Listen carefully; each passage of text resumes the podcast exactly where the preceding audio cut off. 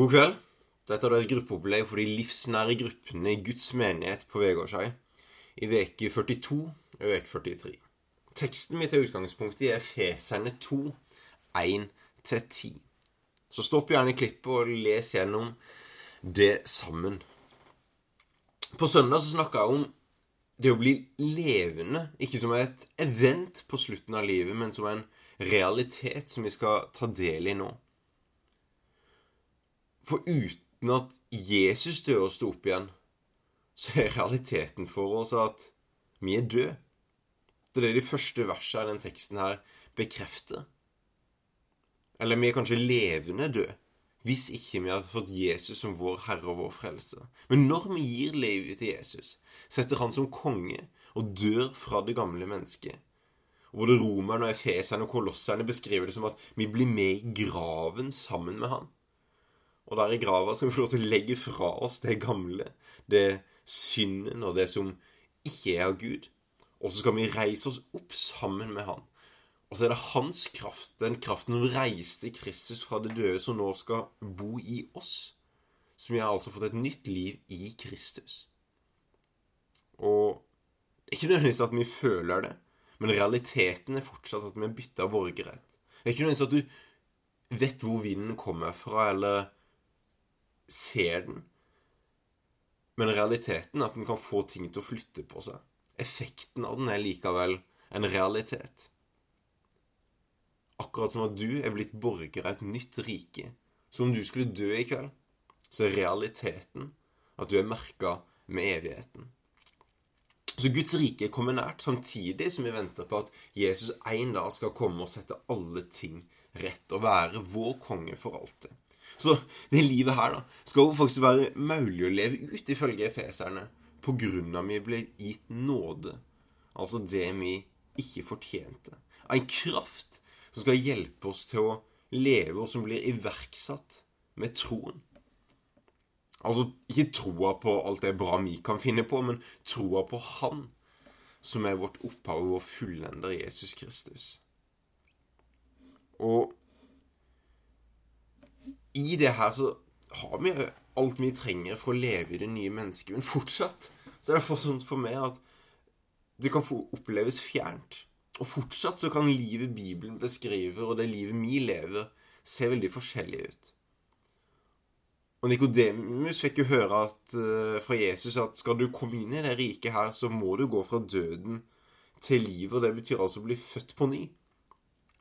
Jesus sier at du må bli født av ånd og vann, og vi kaller det gjerne frelse og dåp.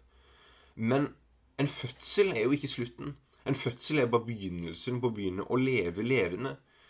Så det vi skal se kort på nå, er hvordan klarte Jesus det her? Hvordan hjalp Gud Jesus, og hvordan hjalp Josef Jesus på ikke bare bli født inn i det nye livet, kunne ta del i det han var kalt det, men begynne å leve som en sønn. Så la her, de her punktene kanskje være en liten refleksjon på hvordan vi kan leve levende, og ikke bare være noen som fortsatt spreller og er nyfødte og er usikre på om vi egentlig overlever dette livet. For Gud er ganske tydelig med Jesus. At når han begynner sin kall karriere i Matteus 3,17, så og han lar seg døpe eh, av Johannes. Og så opp igjen fra vannet, så kommer det en stemme fra himmelen og sier at 'Dette er min sønn, den elskede. I ham har jeg min glede'. Bare i den setningen her så ligger det fire grunnleggende ting som, som blir stadfesta gjennom hele Jesus sitt liv, og som vi trenger å, å jobbe med i vårt liv, tror jeg. Og det første er identitet. Dette er min sønn. Så kan vi stille spørsmålet Vet vi egentlig hva Gud sier om oss? Jesus visste det veldig godt. Han kunne legge det fram på slutten av sitt liv for de Emmarus-vandrerne. Han kunne gå gjennom hele Bibelen og peke på her ser dere meg. Dette forteller om meg. Dette er hvem jeg skulle være. Vet vi sannheten om hvem vi egentlig er? Kanskje det kan være det første punktet. Pass på At du lærer deg noen av de sannhetene uten at bruk de bønnene dine, bruk de bibellesinga. Det at ah, jeg lever ikke lenger sjøl, men Kristus lever i meg. Og så begynner du å ramse opp noen av de identitetsmarkørene for ditt liv. For det her var viktig for Jesus. Det andre er, som Gud sier til Jesus, at dette er den elskede. Han elska Jesus. Åssen kan vi skjønne det for vårt liv, da? Jo, vi trenger å bruke tid med en vi skal oppleve at elsker oss. Vi trenger å ha fellesskap med han, vi trenger å ha relasjon med han, vi trenger å, å snakke med han. Setter vi oss ned og lar oss bli elska av Jesus. Den tredje tingen som kommer fram her, er at det er i ham jeg har min glede. Og er det hele efeserne prater om? Jo, det er jo at alt er i ham. I ham skulle denne verden forsones tilbake til Gud. Det er i ham vi har vår glede. I ham som vi er satt fri. Det er i ham vi har tilgivelse. Det her var kallet hans. Gud stadfester at 'jeg har et kall for ditt liv'. Og ditt fremste kall, og mitt fremste kall, er ikke bare at jeg skal finne en tjeneste i menighet eller finne en jobb jeg liker. Mitt, vårt fremste kall er å finne vår plass i Kristus. At Kristus i oss kan bli håpet om herlighet. Det å finne vår identitet i Gud. Og så avslutter med at i ham har jeg min glede. Og Det er sånn Jesus' liv begynner. En lovsang når han blir født med at i ham har, har jeg min glede. Min glede skal være i ham. Og ikke bare for han, men det skal være en glede for hele folket. Som englene sang når Jesus ble født. Altså, Jesus hadde en hensikt. Han Han skulle ikke bare bety noe for seg sjøl, men han skulle bety noe for flere enn seg sjøl. Og så syns jeg det er kult at i tillegg til at Gud ønsker å vise det her til Jesus, så guider han òg Josef som hans uh, adoptivfar, for at Gud, Jesus òg skulle lære gjennom sin biologiske far hvem hvem han var, og skulle lære å bli en sønn. For Josef fikk fire drømmer. han. Den første drømmen var at du, du må høre på Maria. Det er sant at hun er blitt med barn. Og han skal kalles Jesus, altså denne verdens frelse. Så Josef visste veldig godt hva som var identiteten til Jesus. Jo, det skal være han som setter mennesker i frihet. Det skal være han som kommer med et nytt rike. Det skal være Emanuel, Gud med oss. Og så får Josef en ny drøm. Nå må dere reise. Maria hadde akkurat født, kanskje bare noen dager etterpå.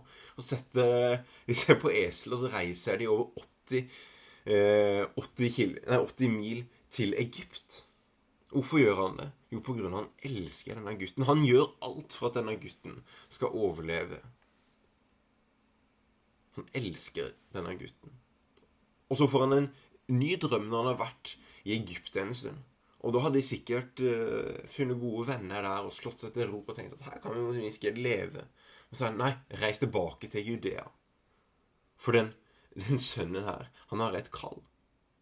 Han har et kall om å være om å være noe for Judea, for jødene. Han skal være kongen som kommer fra, fra jødefolket. Og ikke bare jødene, men resten av, av denne verden skal finne sitt kall i han. Men når de kommer dit, så sier de at nei, eh, Herodes sin sønn var ikke så mye bedre enn Herodes, så, så, eh, så Josef får en siste drøm om å reise til Galilea. Og de reiste til Nasaret. Og dette er den plassen som hedningene bor. Det, det er jo sånn Kan noe godt komme fra Nasaret? Hvorfor reiser de dit? Kanskje for å bekrefte den siste tingen som Gud bekrefter. Det er at han har en hensikt om å bety noe for noe mer enn seg sjøl. Han skal ikke bare bety noe for seg sjøl og finne sin plass i Gud, men han har et større kall over livet sitt å møte behov, sette undertrykte fri, rope ut et nådens år. Så hvis vi går tilbake til de fire tinga, da Åssen kan vi begynne å leve levende i livet vårt? Og vi trenger å minne oss på vår identitet. Vi trenger å være med Gud, sånn at vi kan erfare at vi er elska. Vi trenger å finne vårt kall, altså vår plass i Kristus. Og så trenger vi å se at vi har en hensikt. Vi skal ikke bety noe bare for oss sjøl. Vi er satt på denne plassen til å bety noe for familie, for venner, men det er på utsida av det. Vi har et kall til at Kristus i oss skal være det håpet som folk rundt oss har, og som lengter og håper etter, og vi har den kraften i oss. Lykke til.